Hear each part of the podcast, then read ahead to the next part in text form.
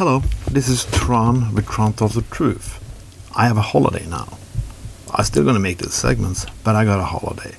I got three weeks holiday, and I have some more weeks later this year.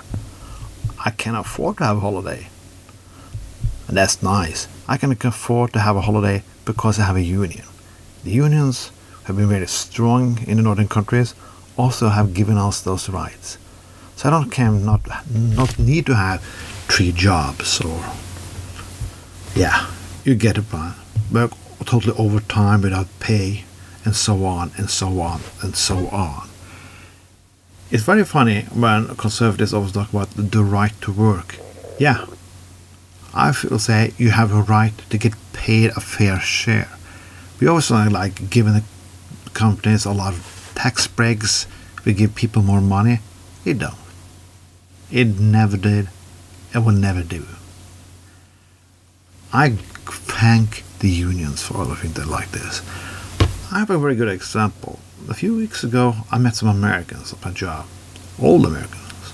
It's very funny that most people I meet from United States in Norway are old. Because they're retired.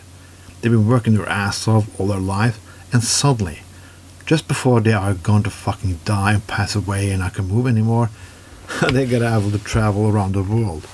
I think they should have done that a lot of years ago. It's all about control. Big companies will always claim that you have to work more. You have to do you have, because you deserve it. Business will go bankrupt. You're greedy. No, you're not greedy. You just want to live. Just want, they just want to have control. Home offices are a good thing. When they tried it out in London during the first lockdown, a lot of people didn't want to come back. They found out they didn't want to sit in three or four hours of the workday to travel. They had a good life.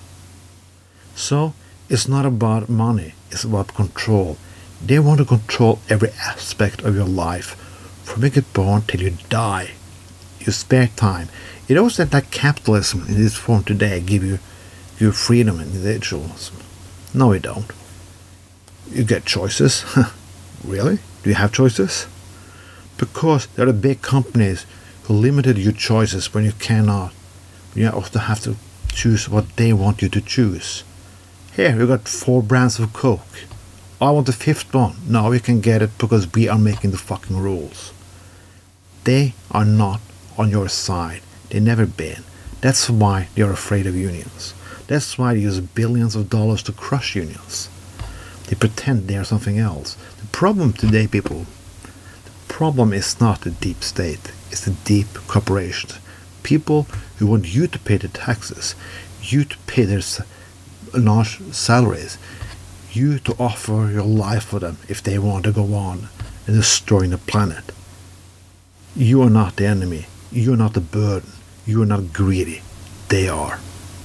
They will never grant you any choices and they will never give you anything. Trickle down economics have been the worst bullshit since it been launched. It was never intended to give you anything. But the people who did get everything is also the same people who can afford to make commercial to brainwash people that is necessary. But it was never necessary and will never be. Today we have a strike in an air company in Norway. It's not about bigger salaries. It just is about not getting crushed by the big corporations.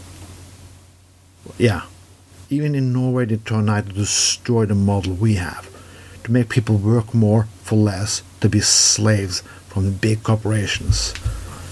I hope more people become a member of a union. We need unions more now than ever. Or, if not, maybe I can travel and have some spare time and see the world when I'm 90, if I'm not dead yet. This was Tron, but Tron tells the truth. Have a fucking nice summer.